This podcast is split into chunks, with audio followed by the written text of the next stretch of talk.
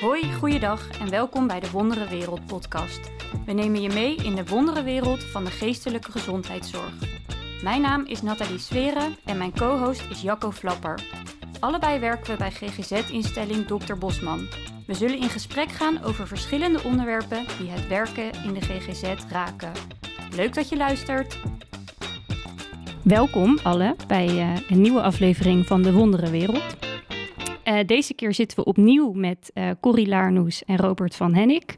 Na ons uh, daverende succes van de vorige aflevering over systeem, systeemtherapie en systemisch denken. En toen kwamen we op het idee om een nieuwe aflevering op te nemen, een vervolg met iemand die een soort ervaringsdeskundige is. En zo zijn we bij jou gekomen, Frank. Frank van der Linden, welkom. Superleuk dat je aan wil sluiten. Kan jij jezelf kort voorstellen en iets vertellen over waarom we hier met elkaar zitten? Ja, nou, ik ben uh, sinds enige jaren uh, een gelukkige man. en dat is uh, een wonderlijke ervaring voor mij. Ik heb heel veel succes gekend in de journalistiek, maar voelde me op persoonlijk niveau vaak ja, tamelijk treurig. Um, en dat zal alles te maken hebben met hoe mijn jeugd eruit heeft gezien. ouders die op een dramatische manier uit elkaar gingen en vervolgens 40 jaar niet met elkaar spraken. En de eerste 10 jaar daarvan heb ik mijn moeder niet gezien, niet willen zien in alle eerlijkheid. Dat zal zeker bij hebben gedragen aan wat ik ervoer als ongeluk. En nadat ik uh, de illusie koester dat ik de laatste tien jaar wat evenwichtiger in elkaar zit. Dat is heel fijn. Dus ik, ik wissel daar graag over van gedachten. En ik heb op die invitatie volmondig ja gezegd. Dus brand los, zou ik zeggen. Mooi. Ja, dankjewel. Corrie en Robert, jullie ook opnieuw welkom. Veel dank. Dankjewel. Um, ja, we hebben het de vorige keer dus vooral gehad over hoog over systemisch denken, systeemtherapie, het belang daarvan.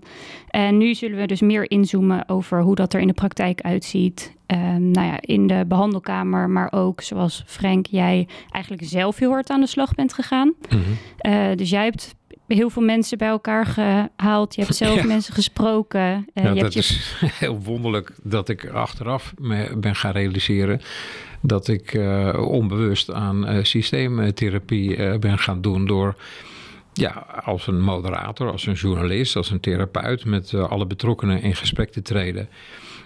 en ja, te proberen iedereen weer met elkaar in verbinding te stellen en tot een vorm van heling te komen. En ik moet er niet aan denken hoe ik hier had gezeten als dat niet was gelukt.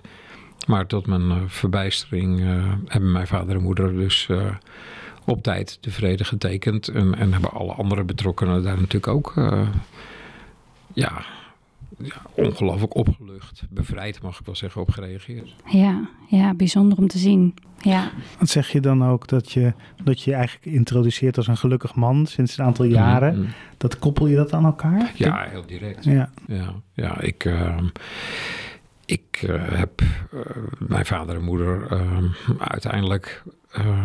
uiteindelijk hand in hand als tortelduiven op de rand van een bank zien zitten. Drie uur lang in een doorzoomwoning in Lelystad. terwijl die avond op een hele pijnlijke manier begon. Want mijn vader die stond midden in de kamer en die had uiteindelijk na veel soebat en smeken ja gezegd op, mijn, op mijn vraag van weet je zeker dat je mama nooit wil meer zien, niet meer wil zien, kunnen we het toch niet één keer nog proberen voordat zij een Alzheimer zou overlijden. Maar ja, het antwoord was uiteindelijk na lang zuchten oké. En ja, als hij dan begint mijn moeder die binnen schuifelt, hè, dementie tast natuurlijk ook je fysieke mogelijkheden aan. Zij dan begint uh, haar de les te lezen door met zijn priemende vinger te zwaaien en te zeggen: Erika, jij moet eens even heel goed naar mij luisteren. Uh, ik heb nog nooit zoveel verdriet gehad als toen jij bij mij bent weggegaan. Dan denk je, nou, dit uh, is geen gelukkige start. Maar daar, uh, daar volgde vervolgens zijn woorden op. Uh, en ik ben misschien nog nooit zo blij geweest als nu, Erika, jij hier weer staat. Ja, dan breekt eigenlijk in één keer het ijs. En, ja. en vanaf dat moment uh, gebeuren er uh, wonderlijke, wonderbaarlijke dingen in die, in die Ronnestraat 22. Dat is eigenlijk ook fantastisch hoe je dat in dat boek beschrijft. Dat jouw vader met zijn pistool eigenlijk dat gebaar naar haar maakt. Ja. Maar zij ontwapenend om die pistool heen grijpt. Ja, zegt... dat, is van iets latere datum. Dus na die verzoening, die eerste avond, zijn we als gezin, mijn zus Desiree en ik, mijn, vader en mijn moeder af en toe uit eten gegaan, gaan strandwandelen, wat al iets meer zei. En in Dalen, waar mijn vader een appartement had als, als ruim 80-jarige, uh, kwamen op zeker dag bij elkaar om voor het eerst als gezin weer te eten. En we zitten gezellig te praten, uh, witbrood met haring. En mijn vader staat op loopt rond de tafel en zegt in ene vanuit het blauwe tegen, tegen mijn moeder, uh, geweermakend van zijn hand. En, en, en, dat geweer tegen haar slaap zettend. Van uh, trouwens, Erika, je weet toch wel dat als ik in de tijd geld had gehad om een pistool te kopen, dan had ik je helemaal kapot geschoten. En precies zoals jij zegt, mijn moeder was letterlijk en figuurlijk ontwapenend. Door haar hand om de loop van dat denkbeeldige geweer te leggen. En, en, en te zeggen: Ja, Jan, dat snap ik heel goed. Want het was natuurlijk vreselijk uh, pijnlijk. En des te fijner dat we hier nu weer zitten. Hè? Ja, waanzinnig. Ja. ja waanzinnig. En dan als je, als je dan beseft dat het toch al een end op de route naar, uh, naar, naar dokter Alzheimer was, is dat extra knap. Prachtig zeg, ja. Want als we even helemaal teruggaan. Um, jij hebt een boek geschreven hierover, waarin je dit eigenlijk heel ontwapenend allemaal vertelt. En je hebt twaalf jaar geleden een documentaire gemaakt, waarin je eigenlijk deze verzoening uh, op beeld hebt gekregen. Nee. Of de, de verzoening zelf niet, maar de aanloop er naartoe. Ja, Was het maar zo'n feest. ja, ik ben mijn ouders gaan interviewen omdat ik in wanhoop verkeerde en dacht, ja, zo, zo, gaat mijn moeder dood. En in alle bitterheid en alle pijn kunnen we misschien toch nog eens praten. Dus het zijn interviews met mijn vader en moeder los van elkaar. En, en, en de, de film eindigt uiteindelijk zo'n beetje met de woorden van mijn vader: uh, Frank, sorry, ik wil jouw moeder nooit meer zien. Ik ga nog liever dood. Mm en dan zie je helemaal aan het eind een zinnetje in beeld verschijnen. Uh, dat luidt ongeveer als volgt: Een week voor de uitzending van deze documentaire hebben mijn vader uh, en moeder elkaar ontmoet en omhelst. En dat is die scène in, in Lelystad die ik net uh, beschrijf. Ja. ja Wat ik altijd, want ik zei net al, wij gebruiken de documentaire als we lesgeven. Hè? Dus in, in, uh, en en dat, als dat zinnetje komt, dan, ik heb, die, ik heb de documentaire mm. al, al nou honderd keer zo vertreden, heel vaak gezien. Elke keer springen ja. toch opnieuw de tranen in mijn ogen. Ja, bij dat mij is heel ook. gek. Ja, bij mij zelf ook. Even dat, en ik zie dat ook, de, de, de, alle cursisten op dat moment ook. Ik was altijd, de, ik heb eindelijk de gelegenheid om niet deze vraag te stellen. Ja. Want ik was zo benieuwd naar, uh, heeft de documentaire en het kijken van je ouders, ik weet niet of je ouders hem gezien hadden ja, voordat ze die beslissing namen. Zeker. En je zei net, het is eigenlijk een soort als ik de film laat zien of de documentaire laat zien als ik lesgeef, zeg ik altijd: dit is eigenlijk wat gezinstherapie is of zo. Ja, dat, je, ja, ja, dat je een verhaal maakt die de, die de ervaring weer kan dragen. Hebben ze door naar de film te kijken toch iets anders van elkaar gezien dan dat ze hmm. dachten, wat het mogelijk maakte? Goeie vraag. Ja, eh, kijk, uh, de film kon niet naar de omroep, uh, kon niet naar de Nederlandse publieke omroep uh, voordat mijn vader en moeder daar hun pauselijke zegen aan hadden gegeven. Ik bedoel, ja, ik, ik laat altijd mijn interviews van tevoren aan mensen lezen en als het om tv-documentaires gaat zien. Dus dat gold al helemaal voor mijn vader en moeder. En um, ja, dat waren voor mij hele uh, gevoelige ontmoetingen. Hè. Daar zit je dan na, na een klein jaar werk en dan laat je zo'n film zien. En dan, mag je hopen dat, ja, dat ze er zich er beide in kunnen vinden. Dat, dat bleek gelukkig het geval. Geen van beiden heeft er ook uh, maar om één wijziging in de film gevraagd. Uh, ook mijn uh, drie zussen, mijn volledige zus Desiree en mijn twee halfzussen uit mijn moeders tweede huwelijk, die, die zeiden het is helemaal, helemaal prima zo. Dus ja, dat was eigenlijk al de doorbraak. Zij hebben ongetwijfeld meegewerkt aan die film vanuit de veronderstelling: als ik nu maar goed uitleg aan heel Nederland en aan Jan, zoals mijn vader heette, of aan Erika, hè, andersom vanuit zijn positie, hoe het zit, dan gaat iedereen het met mij eens zijn. Dat zal hun beide individuele idee zijn geweest. Ja, maar er is natuurlijk geen gelijk in dit soort zaken. Denk je? Uh, Denk je dat er niet stiekem een heel diep verlangen was naar toch ah. erkenning van hun liefde? Nou, mijn moeder die wilde om te beginnen beslist vergeven worden uh, door mijn vader hè, vanwege ja. haar ontrouw. En, en, mijn moeder heeft in alle eerlijkheid gewoon een aantal jaren gelogen en bedrogen. Uh, over die buitenechtelijke verhouding met John. Uh, en andersom wilde mijn vader, um, denk ik, echt ja, zien aan mijn moeder dat zij op een bepaalde manier toch ook nog steeds van hem hield. Uh, dus er zat, laten we zeggen, uh, een economie voor beide in, in de afweging ja, om, mee, om mee te werken. En Frank, zou je misschien kort willen uitleggen voor de mensen die het verhaal niet kennen, uh, hoe het een beetje verlopen is? Dus um, je hoeft natuurlijk niet je hele boek te vertellen, maar nee. wel, want we horen nu van, oh, je moeder is vreemd gegaan of Ja. had een buitenechtelijke relatie. Kan je, kan je ons kort meenemen in het verloop en hoe je op dat punt gekomen bent dat die verzoening kwam? Ja. Nou ja, ik heb een honderd brieven geschreven in, in die bundel. En altijd maar verlangen waarin ik dat in niet-chronologische volgorde vertel. Ik, ik, ik ga met mijn vader en moeder het gesprek aan in de vorm van brieven die ik naar hen heb verzonden na hun dood. De chronologische volgorde is, ik kom net als deze uit een truckersfamilie. Mijn vader die had uh, geen middelbare school, maar wel een vrachtauto, zeg ik altijd. Hm. Mijn moeder die had wel werk als uh, schoonmaakster van toiletten, maar ook geen middelbare school. Dat was ongeveer de start. Ze waren op elkaar. Mijn moeder die gold als de Greta Garbo van de Bollenstreek. Ze was een bloedmooie vrouw. Mijn vader die uh, zwierde graag met haar aan de arm over de kermis. Uh, en uh, ja, die twee die, die waren gepassioneerd over elkaar. Maar ja, net als bij andere passies is dat niet altijd een heel evenwichtige relatie. Waar de vlammen hoog oplaaien, daar, daar kan ook van alles misgaan. Nou, dat gebeurde ook tussen hen. De afstand was toch wel heel groot. Uh, mijn vader die was meer getrouwd met zijn vrachtwagen in de optiek van mijn moeder dan met haar. Ze zei wel eens overzichtelijkerwijs: jij ligt nog liever onder die DAF dan onder mij. En die vrachtauto die kwam eigenlijk tussen hen in te staan. Uh, mijn vader die werkte 80 uur in de week. En uh, ja, mijn moeder die, die voelde zich, en dat snap ik heel goed, te weinig door hem gezien en omarmd. En daarop is zij een relatie begonnen met een man die, net als zij, bijwerkte in een, in een bollenschuur. En uh, dat was John. En vervolgens ja, is er een jaar of twee of drie um, daar omheen blijven draaien. Het, het, was niet zo. Het was wel zo. Uh, het was niet zo. Het was wel zo. En ja, dat leverde een ongelooflijk ingewikkelde worsteling voor haar op. En ook voor mijn vader. Mijn moeder is diverse keren naar een inrichting gegaan. Uh, weer thuisgekomen, weer naar John teruggekeerd, op het spoor gaan staan, uh, te veel pillen. Uiteindelijk weer naar het gezin terug. Dat, dat ging een aantal jaren zo. En wij kregen zo het land aan, Desiree en ik, aan, aan die gebeurtenissen en aan, en aan mijn moeder daardoor.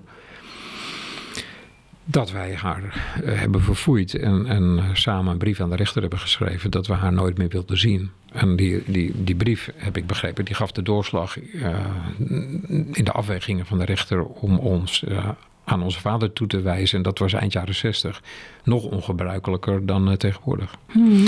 Daarop zagen mijn moeder dus tien jaar niet. Um, langzaam maar zeker kwamen we tot het besef dat een ingewikkelde liefdesrelatie dus geen zwart-wit ding is. Dat het nooit zo simpel kon zijn dat mijn vader een heilige was en mijn moeder een hoer. Ja, en dan kom je tot de stap om haar weer op te zoeken, gelukkig. Beide hebben een prima relatie met mijn moeder gekregen, Desiree en ik. Het was voor, voor mijn vader bijzonder lastig natuurlijk. Die is uh, haar op ja, de brandstapel blijven zetten. Mm -hmm. Tot uh, die film werd gemaakt waar ik het net over had. Ja, wat je ook in het boek schrijft, dat, je, dat die 40 jaar, dat eigenlijk altijd als je je vader zag, dat die altijd iets over je moeder zei. En ja. altijd daar, dat, dat moest er een soort van uit, leek wel. Ja, dat, dat werd pas minder toen zijn uh, tweede vrouw, onze stiefmoeder Greet, overleed.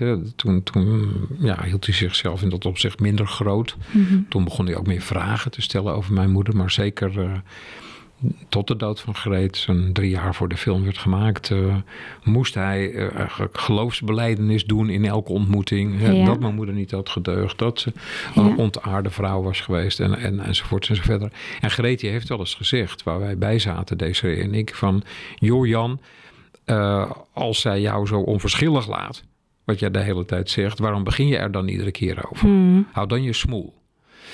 Nou, daar zat wel wat in. Ja, absoluut. Ja. Hey, en Corrie, zou jij misschien iets willen vertellen over loyaliteit? Uh, want dit klinkt uh, alsof je natuurlijk enorm loyaal naar je vader was, maar eigenlijk ook naar je moeder.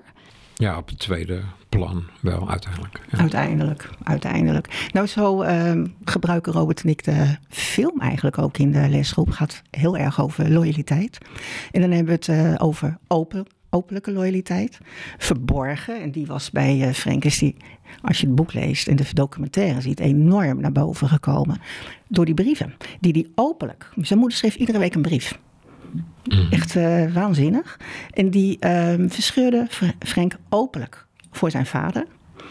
En later zei hij, dat deed ik om te bewijzen aan papa dat ik mhm. daarvoor koos. Maar ik was zo blij dat ik iedere week die brief kreeg. En die ja, op heb de je deur bewaard. zijn we heb zo je, gaan je bent openmaken. gaan openen en dicht gaan plakken. Ja, dat kon eerst niet, maar dat is de verborgen loyaliteit. Ja. En wat eigenlijk in die film ook zo zichtbaar is, dat als kinderen toch verscheurd worden tussen ouders, en dat was het. Hè, er was een enorme boosheid en paniek bij, uh, bij de papa eigenlijk, waar we straks ook nog op komen, Hmm. die met de kinderen achterblijft. Mhm. En dan uh, staat kinderen soms maar één ding te doen. Om niet heel erg of in agressief gedrag te, terecht te komen of heel depressief. Om maar voor eentje te kiezen. Mhm. Om niet in die split loyalty terecht te komen. Want kinderen willen altijd eigenlijk van betekenis zijn voor allebei de ouders. En door beide gezien worden. En door beide vertrouwd worden. En in beide vertrouwen kunnen hebben. Nou, daar wil Robert graag straks ook nog wel iets over zeggen. Dat als een kind door de ene, de, de ouder zegt van de andere ouder is niet te vertrouwen en andersom, dan wordt een kind zo getrianguleerd. Dat zien wij heel veel in onze behandelkamer. Wat is dat? ik Getrianguleerd? over- Getrianguleerd. Ja, leg Maar- dat eerst maar even uit wat Ja. dat is. Ja. Getrianguleerd, dat de ene ouder tegen de, hè, aan het kind laat weten, die is niet te vertrouwen. Hè, de mama is niet te vertrouwen. Of de mama tegen het kind laat weten, Ja. de papa is niet te vertrouwen.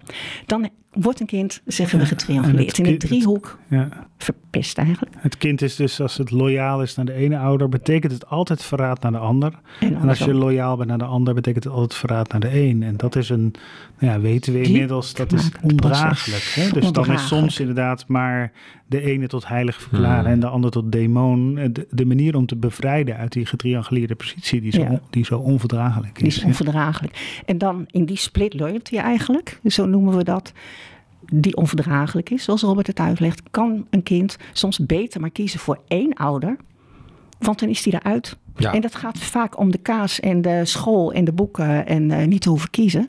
En om daarop- je mag Oh, er kind- zoiets dat- over zeggen. Dat, dat, dat kind dat, dat eh, doet, zoals, zoals ik dat zelf deed, dat, om zichzelf te redden. Om jezelf te redden. Wil veiligheid, wil helderheid. Ja. enzovoorts. Creëert hij dan zelf? Ja.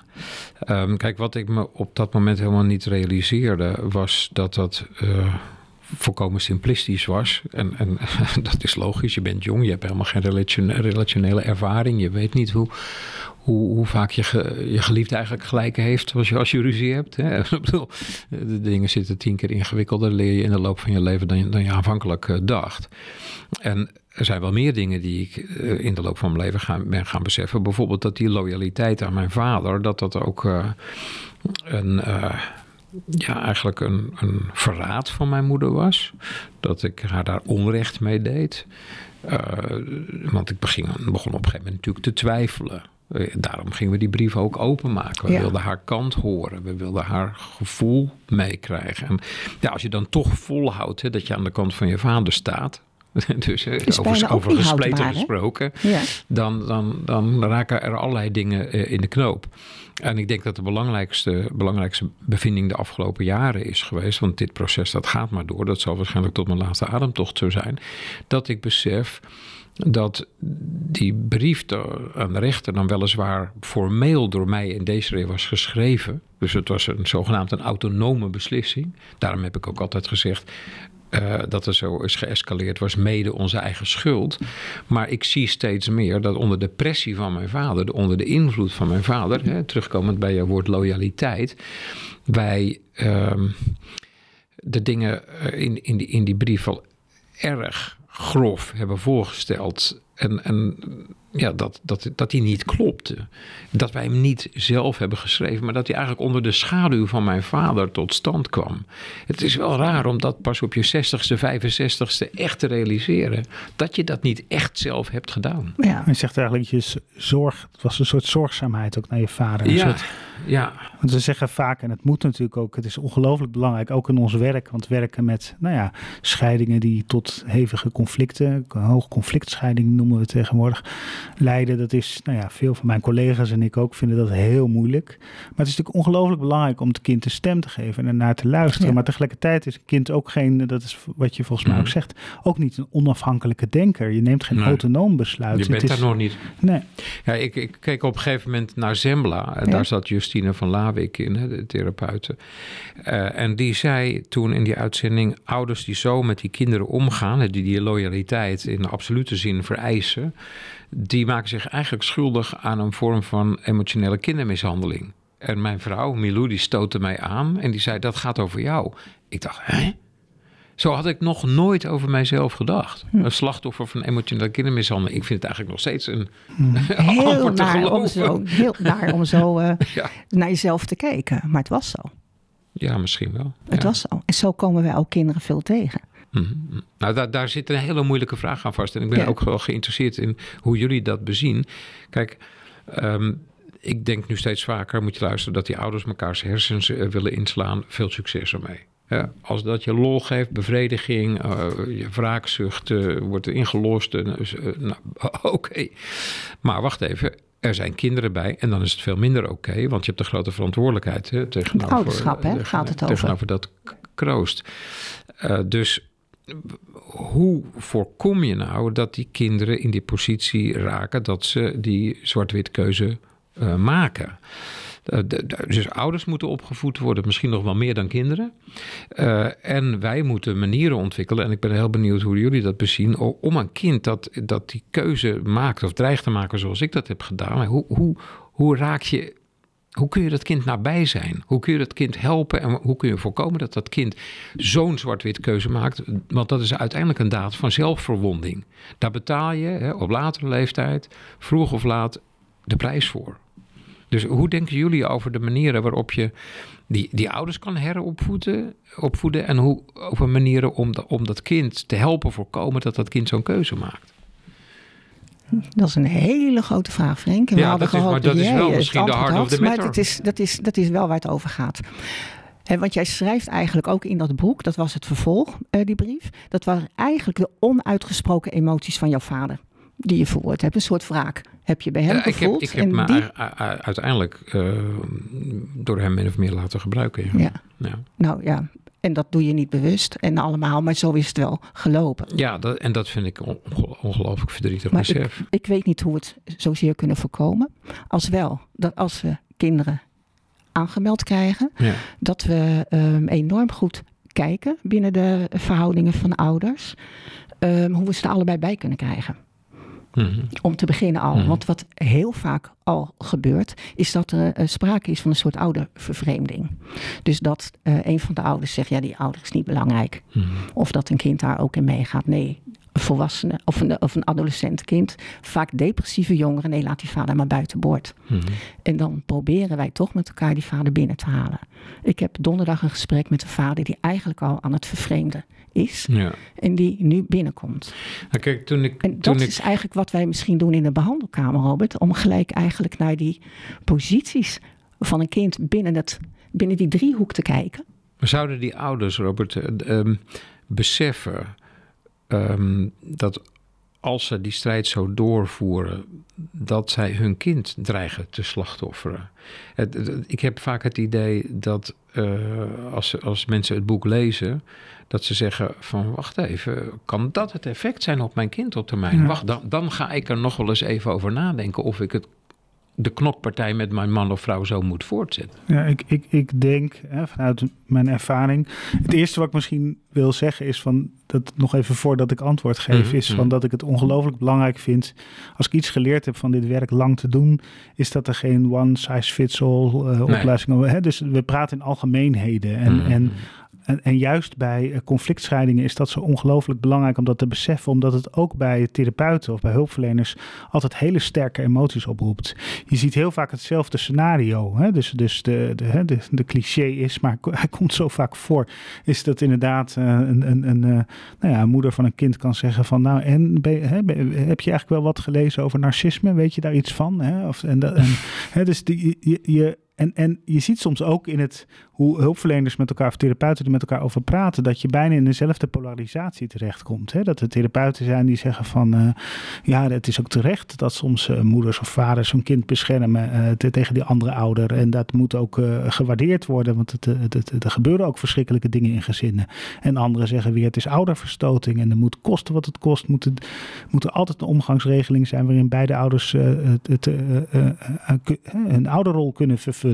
En weer anderen zeggen van ouders moeten altijd uh, samenwerken. Dat, is belangrijk voor het kind. En weer anderen zeggen van nee, dat is onhaalbaar. Je moet een soort... Uh, Omgangsregeling. ja, ja, of een soort parallel ouderschap hè, gaat het nu veel over. Dus het, het roept ook bij therapeuten veel emotie op. En dat neemt soms van ons weg dat we nog echt kunnen luisteren. Als je weer hetzelfde scenario, dezelfde verhalen, denk je, oh, daar gaat het weer. En je ziet hoe een kind daaronder lijdt. Maar jouw vraag is denk ik ongelooflijk belangrijk. Ik, ik denk, nogmaals, in alle voorzichtigheid, als ik werk rondom dit soort thematiek en problematiek, dat ouders zich er heel vaak niet bewust van zijn. Dat ze echt denken, wij doen wat het beste is voor het kind. Je, je noemde Justine Verlawik, met, die heeft het prachtige programma Kinderen uit de Knel ontwikkeld.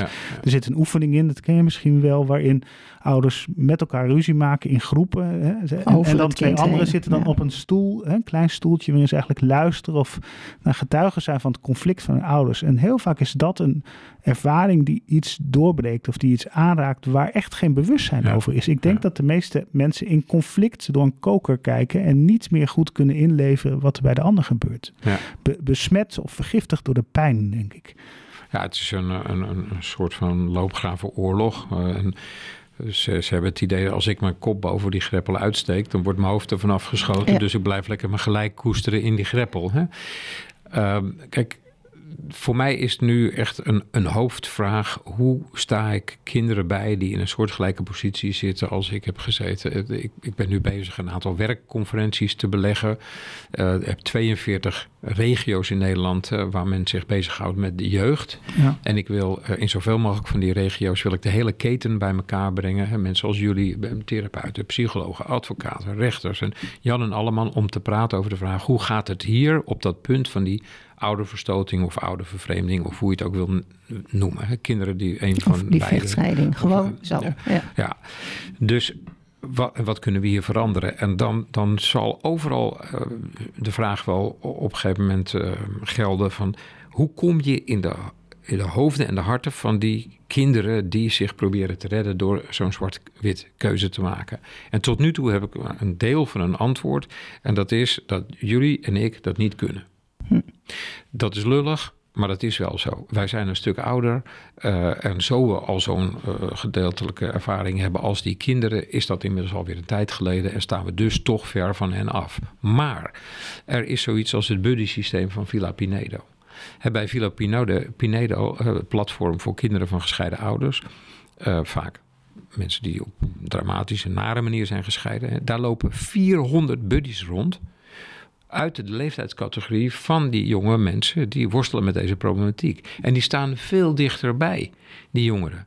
Uh, die hebben dan uh, al uh, zo'n ervaring achter de rug. Die zijn 20 of 22. En als die tegen iemand van 17 zeggen: Joh, ik heb het ook meegemaakt.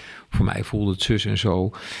en ja, toen heb ik iets stoms gedaan. Of wat ik ervan heb geleerd. Dan krijgen die een veel vruchtbaarder gesprek met zo'n kind dan wij kunnen. Omdat we gewoon twee of drie keer zo oud zijn. Hm. En andere normen en waarden en toonsoorten hebben.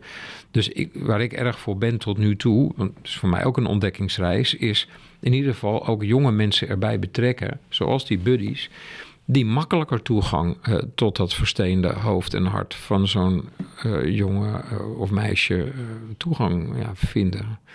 En hoe ervaren jullie dat, Robert en, en Corrie? Nou, ik moet je heel eerlijk zeggen dat ik eigenlijk nooit in mijn eentje in een zaak zit. Mm. Om het maar even zo te noemen. Maar vaak met een jonge psychologen. Oh, wat goed. Die met uh, de kinderen dingen doet. En dat ik met de ouders eigenlijk aan het werk ga. Maar binnen de instelling, wij, wij, maken deze voor dokter Bosman. En die, we zijn heel erg systemisch bezig. Dat we uh, een van de uh, wetten bijna wordt. Nooit in je eentje in een zaak. Ja, maar ja. eentje voor je kind, één voor de ouders. En dan gaan verbinden. En met die ouders, ja, die neem ik vaak voor mijn rekening. En denk, jij ook. Gaan we gewoon ook uitleggen. Mm -hmm. En voorbeelden geven. We geven ze ook vaak mee om naar Zembla te kijken. Ja. En eigenlijk... Um, nou, die aflevering over... Ja, van Justine van Haarwijk, ja. een kind uit de knel. En wat ook de, de gevaren kunnen zijn als we toch niet samen gaan werken rondom een kind wat klachten heeft. Dus gewoon uitleggen en proberen dan voor het kind een vrije ruimte te creëren. Ja. Waarin uh, die ook mag zijn. Maar ja, het is, het is binnen klinkt de GGZ. Als, hè? Klinkt als enorm waardevol. Ik, ik had gisteravond een gesprek met, met mijn oudste vriend, die is psycholoog. Mhm. En toen vertelde ik aan hem, uh, hij, hij, had het nog nooit gehoord, we, we kennen elkaar al een halve eeuw. Uh, dat ik eigenlijk één op de twee ochtenden wakker word uit een absolute ellendedroom. De ene keer word ik doodgeschoten, de andere keer word ik verlaten, de derde keer word ik gevierendeeld, de vierde keer uh, word ik ontslagen. Maar meestal is het echt uh, ellende, ellende troef.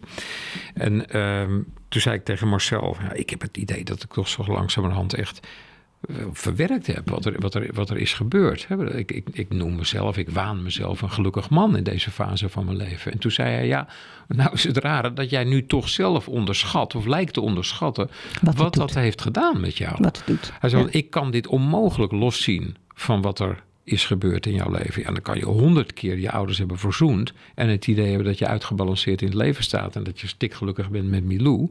Maar dit is wel ja, in jouw bestaan, uh, in, jouw, in jouw kern nog steeds aanwezig. Moet je horen wat jij vertelt eigenlijk. Hoe keihard jij als kind, maar ook als volwassene voortdurend hebt gewerkt. En ik vind het echt de boodschap hè, aan Hmm. ons alle hulpverleners, maar ook ouders.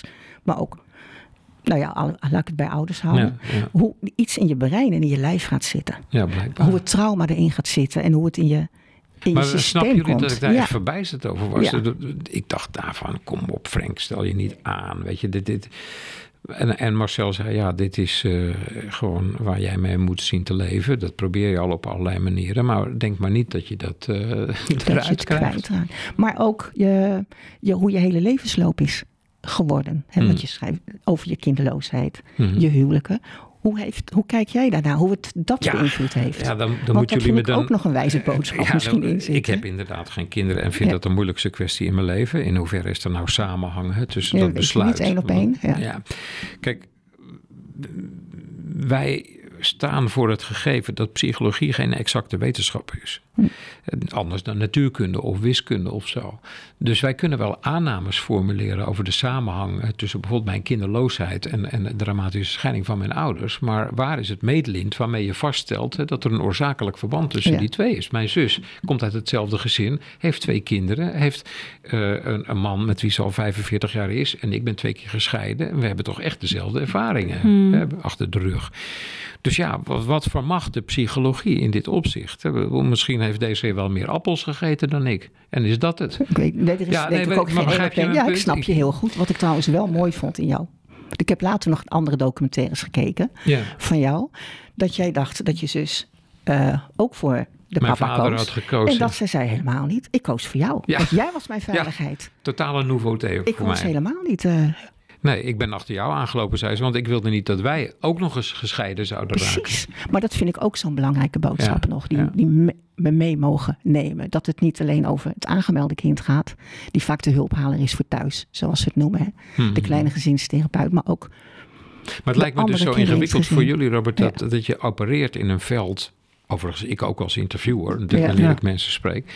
eh, waar de onzekerheden zo enorm zijn. Ja. De- de- de- de- je moet echt voorzichtig zijn met aannames en, en vaste theorieën. Nou, jij attendeerde er net al op hè, toen je zei er is geen standaard aanpak. Maar hoe ga jij dan, daarmee om? Nou, voor mij is het cruciaal, omdat ik nogmaals je zo het appel voelt om er iets van te vinden en een positie in te nemen. En dat ik juist, hè, dus ik, ik vind het mooi wat je zegt over hè, steun aan, aan, aan, aan, aan, kinderen. En ik, ik hoop, hè, wij, wij zien toch nog heel vaak dat kinderen aangemeld worden en allerlei speltherapie krijgen en dat er dan niets gebeurt met de, met de gezinssituatie. Dat, dat vind ik zorgelijk.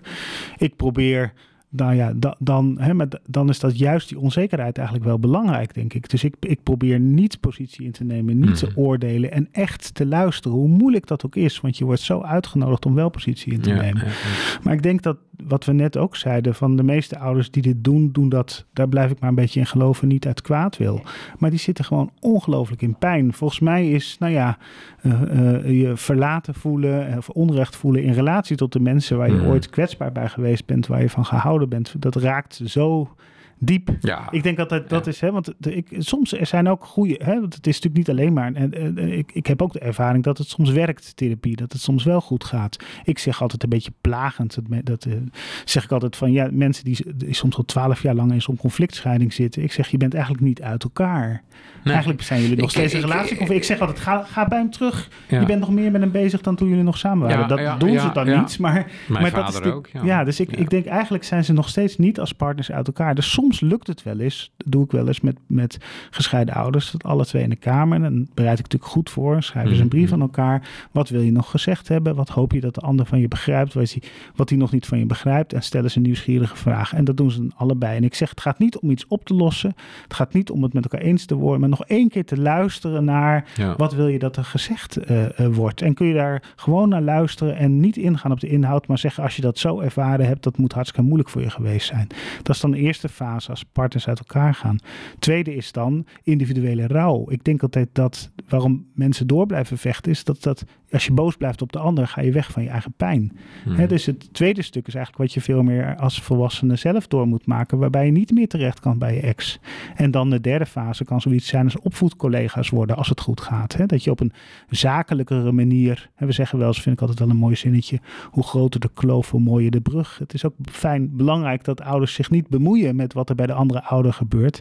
En dat ze een beetje vertrouwen hebben dat het ook misschien anders is, maar dat ieder het op zijn eigen manier doet. Maar er moet wel een brug gebouwd worden. En dat moeten de volwassenen Eh, doen, maar niet de vind, kinderen. Ik vind dat jullie in dat opzicht echt eh, eh, hulde verdienen. Dat, dat, die hulde komt voor een heel groot deel de systeemtherapie toe. En, en naar mijn idee dat jullie erin slagen inderdaad om, om in toenemende mate die bruggen te bouwen, hoe breed die kloof ook is.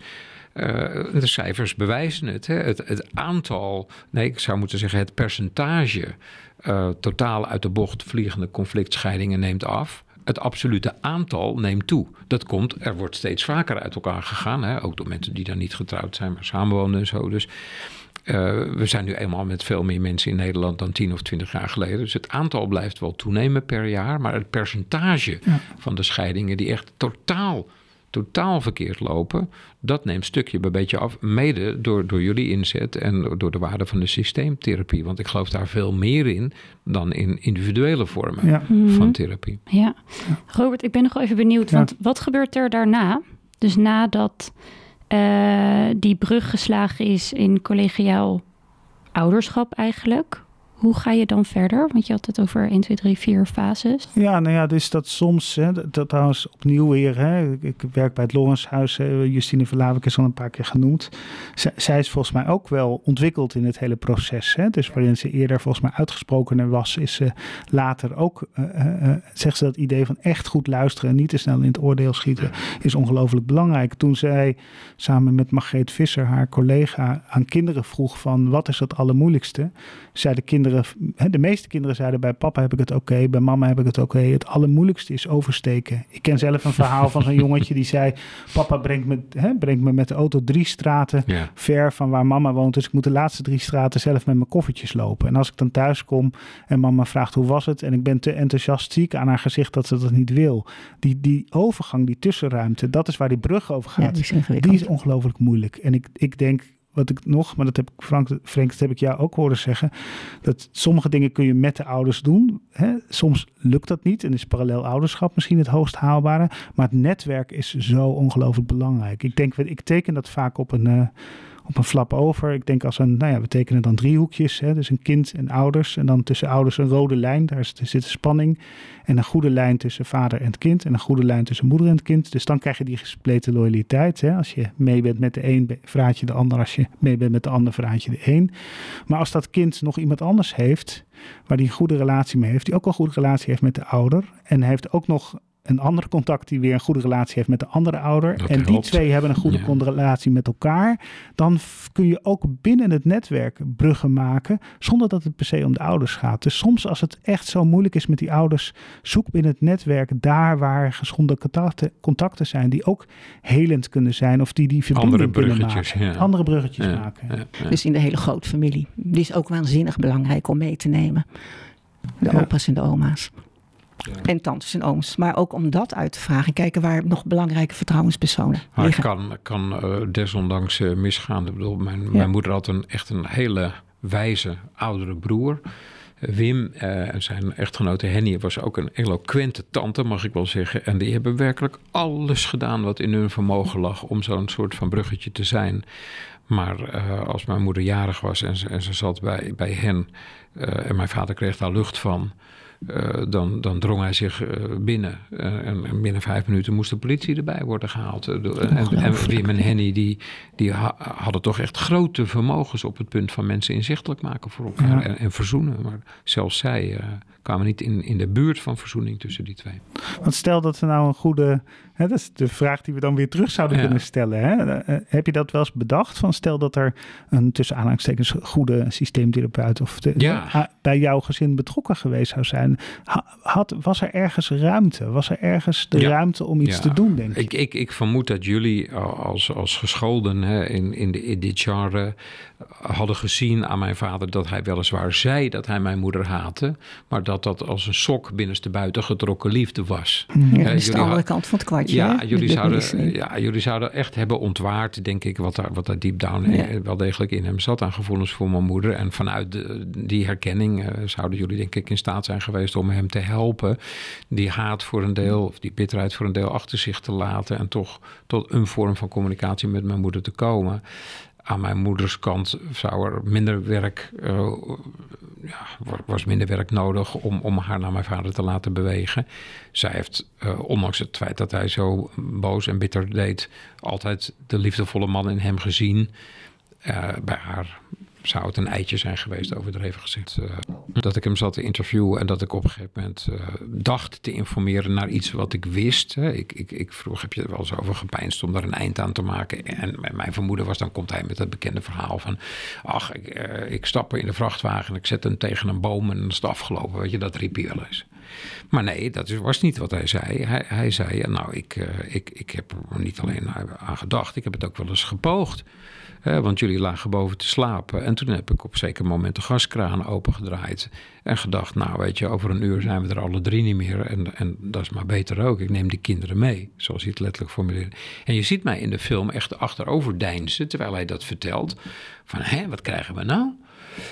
Uh, wat niet in de film zit, uh, wel in het boek staat, dat is dat... Um, op een gegeven moment dan de, de benedenbuurman aanbelde. En, maar dat dat een oud SS'er was.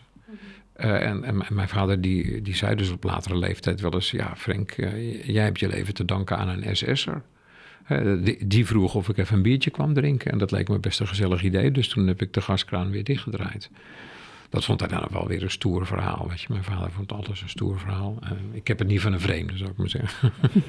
maar hoe was dat voor jou om dat, om dat te horen? Ja, dat, dat, dat, dat, dat, dat, het idee dat ik er net zo goed niet meer had kunnen zijn geweest, dat, dat is onbevattelijk. Ja. Op het moment dat iemand tegen je, tegen je zegt dat hij dat echt heeft gepoogd, maar dat het uh, niet lukte, gelukkig niet, niet, niet lukte, dat is, dat is, dat kan, dat kan je niet een plaats geven. Daar kun je geen woorden voor vinden. Dat, is niet te bevatten. Er is, ja, er is niet eens een, nee. een, vorm van protest in je. Er is alleen maar, eh, dat is voor een journalist misschien niet zo'n slecht ding, mm. uh, opperste verwondering.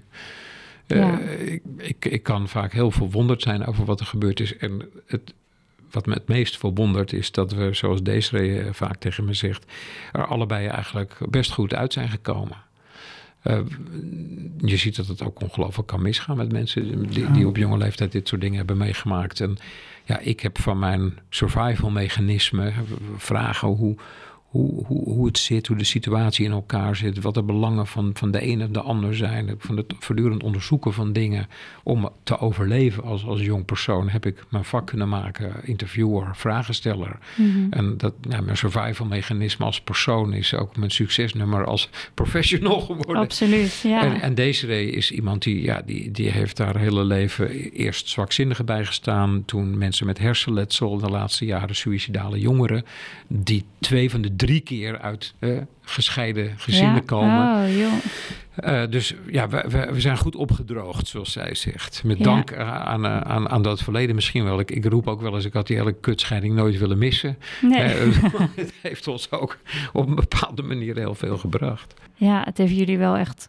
gevormd, klinkt het. In ieder geval mede gevormd, tot Ja. op grote hoogte. Daar ben ik En van jullie hebben zelf enorm hard gewerkt. Want je bent, het Nog, klinkt alsof jullie het allebei met open armen aangrijpen. En dit en dat. En eh, op die manier. En linksom, rechtsom. En eh, ik vind het echt bewonderenswaardig. Ja, en, en we ervoeren het overigens, en dat is nog steeds zo, niet echt als werk. Eh, want als je bezig bent eh, jezelf op het droge te krijgen, ja, is dat dan werk? Hè? Het is gewoon een natuurlijke drift om het te redden. Mhm. Eh, en, en als je dan een stukje bij beetje werkt dat het, merkt dat het loont, werkt dat het loont, Freud zou het een heerlijke verspreking hebben gevonden, dan, dan, dan, dan geeft dat ook gewoon plezier. Hè? Van, goh, we zijn bezig aan, aan iets dat, dat onze levensvreugde ver- verhoogt en, en dat leidt tot meer harmonie. En kijk nou, die twee eens op de bank zitten, die vader en die moeder van ons. Mhm. Eh, ik had 40 jaar niet gehuild.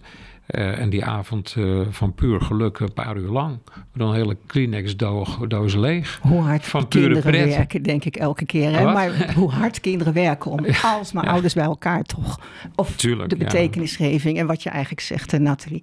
Wat hij gedaan heeft, is van zijn delegaat een legaat maken. Hmm. Dat is Van- vast nooit zo mooi, voor zijn delegaat. Een legaat maken. Dat is een goede erfenis. Want je hebt ook een Ja. missie. En we hadden het net over de scheidingsadvocaten. Wat natuurlijk ook een, Hmm. een waanzinnig mooi project is. Wat in, In Brabant, Nederland... eh, ja, ja. nou ja, waar Carla Gozen mee bezig is. Over Ook, heel Nederland ja. die stand eh, uitrollen. Daar kunnen we er ook nog eentje over maken, bij wijze van spreken. Ja, maar wat die, er steeds die gezinsadvocaat, die, die pendelt eigenlijk Ja. als een soort van halve Ja. systeemtherapeut tussen al die betrokkenen. Ja, met is en de een gedragswetenschappen. geweldige ontwikkeling. Ja. Ja. Ja. En, En dat waar- daarmee scheidingen beter. Ja. Ja, waar het me ook aan doet denken, wat jij net zegt, is dat je 40 jaar niet gehuild hebt. En Mm. toen, nou, het bleef maar komen.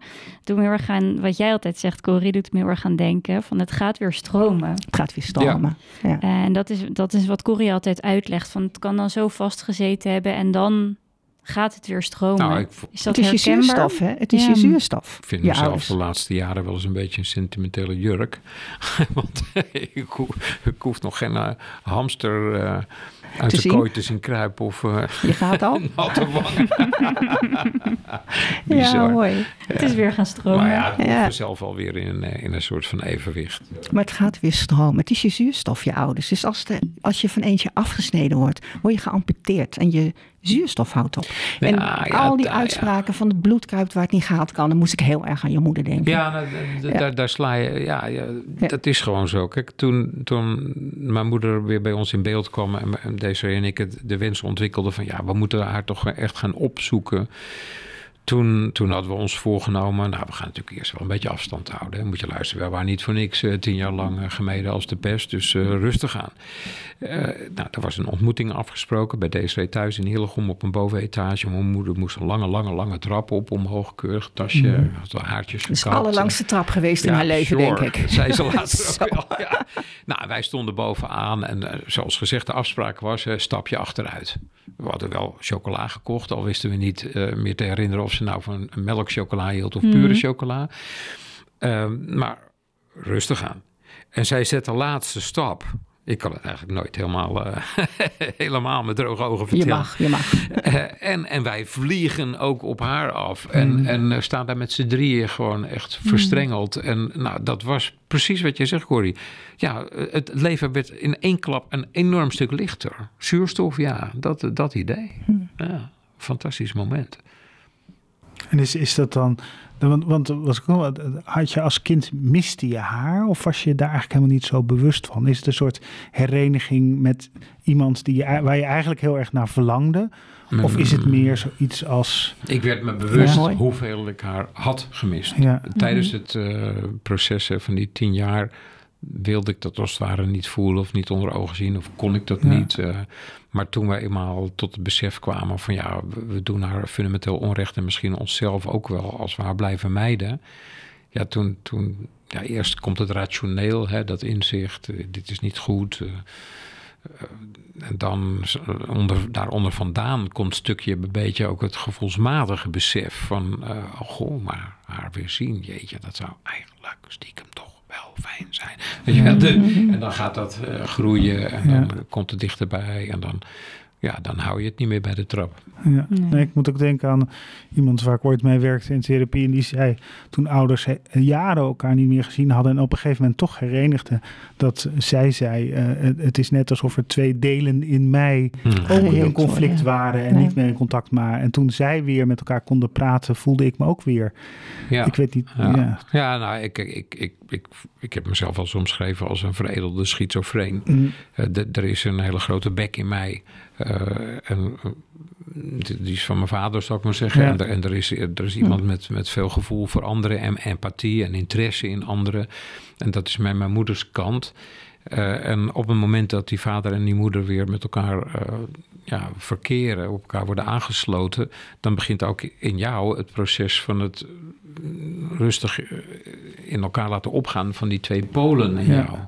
Dat, dat, dat heb ik ook echt ervaren tot op de dag van vandaag als een, als een ja, als een helingsproces. Ja. Uh, en dat zal nooit helemaal kloppend te krijgen zijn, want daarvoor is het te lang uit elkaar geslagen geweest. Mm -hmm. Maar ik denk wel dat ik een uh, heler iemand ben. Dat, ja. meer logica, innerlijke logica in me is dan, dan ik in het verleden had. Ik, ja, voelde ik mezelf een grote spagaat. Ja, en het verhaal. Hè, ik was ook nog wel nieuwsgierig naar hoe, nou ja, daar zeg, we, zeg je natuurlijk al best veel over. Hè. Hoe vormt deze ervaring ook wie jij geworden bent of wie je nog steeds wordt? Hè? Dus we hadden het ook over verhalen. Hè? Dat mm. Mijn deel, hè, mm. weet Nathalie natuurlijk ook wel vanuit de systeemtherapie, is dat ik heel erg in narratieven zit. Hè? Maar ik vind het ook wel mooi, eh, je zegt daar volgens mij ook wel het een en ander over. Dat hoe, hoe kan een verhaal de ervaring dragen? Als je een klein verhaal hebt en je maakt iets mee en het past niet in het verhaal, dan is het onverdraaglijk. Dan is het traumatisch. Wij Als willen dat het een rijker verhaal hebt, waarin meerdere perspectieven bestaan en je maakt iets mee, dan past, dan kan het verhaal de ervaring dragen. Narratieve holding noemen we dat wel eens. Ja, en nou ja, ik, die uitdrukkingen, een mens moet op verhaal komen, is een van de mooiste uitdrukkingen die ik ken. Dat, geldt voor schrijvers, voor, voor journalisten, ook voor therapeuten schat ik. Uh, dat mensen tot een verhaal moeten komen dat ze als hun natuurlijke kloppende verhaal ervaren. Uh, en als je op dat verhaal komt, dan geeft dat meer vrede. Ja.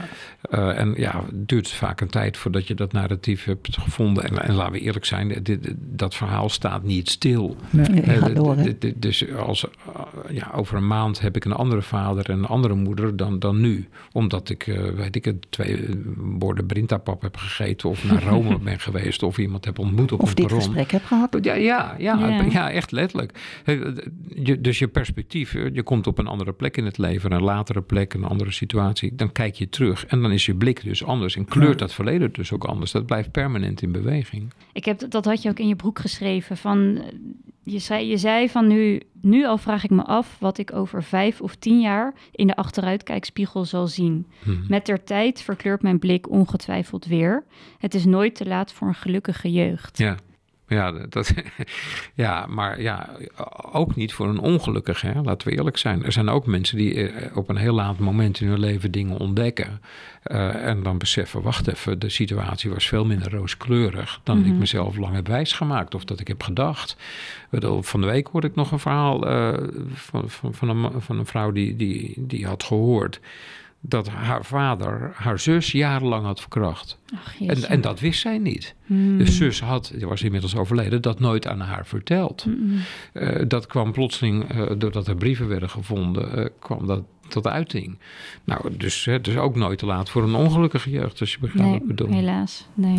Ja. Je, hebt zelf, als je daar iets over wil zeggen, mm. hoor, voel je vrij van niet. Je bent zelf ook gescheiden. Ik kan ja, twee keer. Ja, twee keer. Heb, was ja, dat kan bijna niet anders. Mm. Maar denk je dan ook, oh, dat ga ik heel anders doen dan mijn ouders? Of ben je op dat moment ook in de pijn waardoor je er helemaal niet bij kan? Wat, Nee, daar kan, ik, daar kan ik echt met recht en reden enige trots aan ontlenen. Kijk, ik, ik hou nog steeds heel veel van Lineke, mijn eerste vrouw. Ik ga morgenavond ga ik naar Epe, waar zij woont. En dan uh, kletsen we bij. Dan blijf ik daar slapen. En de volgende ochtend moet ik naar Groningen voor een college. Dat kan. Dat begrijpt Milou, mijn, mijn, mijn echtgenoot, ook heel goed. Die kent Lineke. En Lineke is voor mij als een zus. Dat, dat de vorm niet meer past dat wil niet zeggen dat onze liefde niet meer bleef. Ja. En Annette, mijn tweede vrouw, daar heb ik heel weinig contact mee. Maar als wij contact hebben, is het goed. En ik weet dat er aan beide kanten gewoon nog hele sterke gevoelens zijn. We hebben dat goed gedaan met elkaar. En in dat opzicht uh, heb, ik, heb ik mijn lesje, denk ik, uh, echt wel, geleerd door de wijze waarop mijn vader en moeder dat uh, hebben gemeend te moeten doen. Ja. Ik heb hier een heel mooi zinnetje die ik van jou weer gebruik en Ja. geleend heb. En die vond ik echt prachtig toen je hier ook over sprak. Toen zei je van dat je geleerd had van eh, dat het fijn is om ongelijk te hebben. Hè? Het gaat denk Te ik om krijgen. die- te Ja. krijgen. Oh ja, Ja. ja. Dat, het gaat zo vaak over gelijk of geluk, zeggen we dan wel eens. Hè? Maar dat, het gaat soms zo over dat niet gelijk hebben bedreigend en gevaarlijk is. Ja, en ik nou vond dat een prachtige uitspraak van je. Ja, dat is toch eh, een, een feest om ongelijk te krijgen. Kijk, eh, ge- ja, ongelijk te krijgen. Kijk, gelijk had ik al, zeg Ja. ik altijd. Er is eigenlijk geen reet aan. Applaus. Ja. Maar dat iemand zegt, joh, het zit met deze tafel anders dan je nu na 50 minuten praten denkt. Of het zit anders met de Oekraïne dan je denkt. Of anders met de liefde. Of, dat je leert. Dat je ontwikkelt en dus je kist nog niet in hoeft. eh, Want je bent nog een soort van project dat gaande is. Dat is toch een zegen. Bedoel, wij degene die leeft in zijn eigen grote gelijk. Ik vind het bizar dat ik dacht op mijn zeventiende... dat ik precies wist hoe de wereld moest worden Mhm. ingericht. Ja. Het interessante is dat eh, naarmate je ouder wordt... dat je steeds minder goed weet hoe de wereld moet worden ingericht. Dat is Ja. eigenlijk wel lollig. Ja. Ben je daarmee ook door het hele, hele verhaal van jezelf vergevingsgezinder geworden naar je ouders? Nou, het, het, het moeilijkste deel van het vergeven is niet eens zozeer mijn vader en mijn, en mijn moeder. Dat, dat is in de loop der jaren beter en beter gelukkig, omdat ik besefte, ja, mijn moeder was ook maar 30 toen haar dit gebeurde. Waar was ik toen in mijn leven? Eh, En mijn vader was ook maar iemand zonder opleiding en ik weet niet wat allemaal. Eh, Hoe zou ik hebben ge- gehandeld als, als, als ik nooit een boek had gelezen? Maar mezelf vergeven, dat is toch echt toch, nog steeds wel een, een probleem. Het, het, het In welke zin? Nou, het is tot op zekere hoogte wel gelukt. Doordat ik tegen mezelf kon zeggen: Moet je luisteren. Je was 13, 14, 15 toen, toen zich dit voltrok. En je zo dom was om die brief aan die rechter te schrijven. En je moeder uit te maken voor alles wat vies en foos was. Dus je hoeft jezelf daar niet zo de maat in te nemen. Alright. Maar ik heb het wel tot mijn 2, 23ste volgehouden. Hè, om mijn moeder niet te willen zien. En op dat moment interviewde ik al een paar jaar lang ministers die eh, het met elkaar aan de stok hadden. En besefte ik, waar twee vechten hebben, twee schuld. Ik, ik was al naar Israël geweest. Ik wist dat het Palestijnse-Israëlische conflict ingewikkeld in elkaar zat. Maar over mijn vader en moeder bleef ik eh, stug volhouden. Dat, dat de een eh, en de ander. Dat, ik vind dat dat wel heel lang heeft geduurd. Het heeft lang geduurd. Je hebt zo hard gewerkt. Dat vind ik dus echt. Hm. Ehm, en je hebt zo de, eh, in het gevoel van je vader gezeten. Ja. En dat is, als dat een wijze les voor alle ouders mag zijn, dat ze onbewust gevoel heel sterk over kunnen dragen. En dat een kind zich dan altijd schuldig voelt. Nog erger is als ze het bewust doen. Want dat Ja. gebeurt ook vaak. Ja. ja. Nou ja, ik kreeg net een bericht van ouders die eh, toch samen willen komen. Wil je de behandeling oppakken? Hm. Van een dochter die een brief naar de rechtbank heeft geschreven, tien jaar. En dat ik de ouders alleen maar wijsheid heb gewenst. Ja, ja, ja. Omdat, hè, met deze zinnen, van een kind wil van betekenis zijn voor beide ouders. En ik hoop van harte dat je de wijsheid meeneemt. Nou ja, nog een paar dingen. Ik dacht, meer kan ik niet doen. En die rechter heeft ook meegewerkt.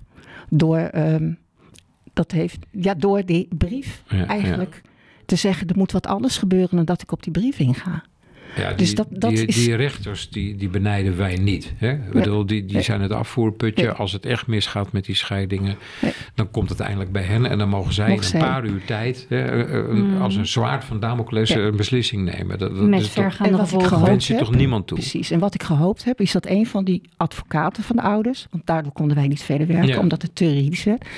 dat die, mijn brief, Ja. dat kon ik nog doen... meegenomen zou worden naar de rechtbank. En gebeurt dat, denk je? Ik denk dat het gebeurd is. Ja. Maar ik ga even binnenkort spreken, Mooi. die ouders. Samen met een collega. Want we doen het met z'n tweeën altijd. Omdat er een vrije ruimte voor het kind gecreëerd moet worden. Ja. Maar dan weer de juristen eruit. Maar, ja, maar het we- is we hard werken. En een- ik weet ook niet hoe het ja, afloopt we zitten nog. in een transformatiefase. We zijn, eh, we zijn, ja, we zijn met elkaar een, Met- een nieuw wiel aan het uitvinden. Ja. Dat gaat nog Ja. even duren. Ja. Heb jij nog bepaalde tips voor systeemtherapeuten? Denk hier aan, dit is zo belangrijk, eh, neem dit mee. Nou, wat mij eh, echt een dilemma lijkt, is de volgorde waarin je in eerste instantie die individuele gesprekken houdt. Ehm, eh, je gaat met die verschillende partijen praten en later ga je proberen hè, de boel eh, een stukje bij beetje aan elkaar te breien. Hè. Maar de ervaring leert, eh, dat merk ik als journalist elke dag, dat de eerste partij waar je mee praat of met wie je praat, kleurt of je nou wilt of niet, je blik tot op grote hoogte. Oh, wat interessant, ja. Eh, dus, dus sta heel goed stil als je het conflict bestudeert. In welke volgorde je die gesprekken. Dus laat het dan niet afhangen van wie toevallig op een zeker moment een vrije dag dag in de agenda heeft. Maar uh, kom met een hele beredeneerde volgorde van inventariseren hoe het bij de een en hoe het bij de hm. ander zit. En dat is dan natuurlijk op basis van een aanname, van een veronderstelling. Maar goed, dat is in ieder geval uh, iets waarover is nagedacht. En ik merk aan systeemtherapeuten dat ze vaak denken: Nou, weet je, ik maak het rondje. Uh, en, en, en, dan gaan we daarna andere stappen zetten. Maar de volgorde waarin je dat rondje maakt is wel elementair. Ja. Robert, wil je daar nog op reageren? Ja, nee, dat, dat is, eh, dat, daar kan ik me alles bij voorstellen. Daar heb ik weinig op aan te vullen. Ik zou dat, dat waar we het net ook over hadden, dat eh, kijk niet alleen naar ouders, maar kijk ook naar het netwerk en wie er binnen het netwerk mee kan doen en een rol kan vervullen. Op het moment dat ouders misschien even te veel door hun pijn in beslag genomen zijn. Dat, dat, is, dat is voor mij. Maar is het een hele bouwde bewering als ik zeg dat het in zijn algemeenheid misschien wel het beste zou kunnen zijn als je begint bij het kind? Uh, want dat kind heeft misschien nog het allergrootste belang bij dat het een beetje wordt geplooid. Ja. Uh, dat kind heeft nog een heel leven voor zich waarin het toch een beetje goed moet, moet gaan. Ja. Nou, in ieder geval dat het kind een stem krijgt. Ja, dat, dat en, de, en de ruimte gaat krijgen. Want soms ermee beginnen kan ook zijn dat een kind zegt: Ik wil mijn vader of mijn moeder niet meer zien. Ja, ja, ja. Maar ik denk dat je misschien ook bedoelt het, het onderkennen dat kinderen in een, onge, hè, hoe het ook een ongelooflijke moeilijke positie zitten. En dat niet alleen kunnen. En dat ze recht hebben op uh, steun en gezien worden. Nog even los van allerlei beslissingen die er genomen worden. Hè. De kinderen worden heel vaak onderdeel van het onopgeloste conflict. En ze zijn dikwijls niet bewust. Ik zat gisteren tegenover een, een, een stagiaire van, van kunststof. Uh, ze is een jaar of 22 en vertelde mij en passant dat ze haar vader al een aantal jaren niet ziet. En dat ze zich daar heel goed bij voelde. En toen dacht ik, ja. Wat dacht je toen? Dat denk jij nu. Dat denk je uh, nu. Dat was heel hoogwaardig van mij, maar ik dacht het echt. En ik vind misschien nog één van dat, dat echt luisteren. Hè, hoe, hoe, dat is, ik, ik moet ook even aan een verhaal denken van een, een, een, een, eh, een, een nou ja, gescheiden stel en een zoon van ook een jaar, van een jaar of veertien. En alles op alles werd gezet om die jongen weg te houden van zijn vader. Vader was ook een beroepscrimineel en zat regelmatig hmm. vast. En uh, jongen was ook getuige geweest van, van uh, geweld tussen, tussen ouders. Dus er waren ook echt goede redenen om die man er buiten te houden. Maar de hele hulpverlening deed er aan mee. En op een gegeven moment had deze jongen, hij was 14 en was puber, ook een conflict met zijn moeder. En hij loopt weg en hij denkt, wat? Krijg ze, ik ga naar mijn vader. ja. dus al jaren, al echt al tien jaar was iedereen bezig om die jongen weg te houden bij zijn vader. En, hij gaat en hij belt aan bij zijn vader. Vader doet open en was met niets anders bezig geweest om contact te willen herstellen met zijn zoon. En, en, maar dat was dus nooit gelukt. Het was echt tegengewerkt. Hij doet open, zijn zoon staat voor de deur en hij herkent hem niet. Hè? Hij weet niet dat het zijn zoon is. Vervolgens uh, heeft hij een tijdje daar gewoond en dacht die vader, oei, dit is toch ook niet helemaal wat mij lukt en wat ik graag wil. Maar uiteindelijk gingen we wel met hem samenwerken. En wat heel mooi was, is dat hij eigenlijk zei van ik weet, ik kan niet, ik ben geen goede opvoeder. Dat, daar ben ik nooit op uit geweest. Mijn leven ligt in puin. Ik wil maar één ding. Ik wil een rol hebben in het leven van mijn zoon. En ik wilde hem vertellen dat hij niet doet wat ik gedaan heb. Als ik dat kan doen, ben ik tevreden over mijn rol als vader. Maar niemand had, iedereen was zo angstig geweest voor de rol of de invloed van deze vader, dat niemand echt naar hem geluisterd had. Dus voor mij blijft de belangrijkste les, zeker daar waarin je uitgenodigd wordt om heel snel een moreel standpunt in te nemen of te denken, hoe kunnen ouders dit toch doen? Om oprecht te blijven luisteren en op zoek te gaan, wat kan er wel, in plaats van dat je bijna mee vergiftigd wordt door wat kan er niet. Ja. precies, maar mag ik daar dan op aanvullen, Robert? Ik weet niet hoe jij daarnaar kijkt. Dat zo ingewikkeld is dat soms juist 16, 17, ook 18 jaar zeggen: ik wil die of die ouder er niet bij. Ja. En hoe wij dan toch moeten misschien proberen te blijven masseren om niet mee te gaan in het verhaal van oude vervreemding of al ingezogen zijn in het ene verhaal of te gekwetst te zijn, daar naar luisteren. Maar daar ligt toch ook weer misschien hè, waar de, de breuk ligt, ligt de bron. Hmm. Eigenlijk. Nou, dank jullie wel. Heel veel dank. Dit was de Wondere Wereld podcast. Een podcast mede mogelijk gemaakt door Dr. Bosman. Muziek wordt gedaan door Noodweer Music. Bedankt voor het luisteren.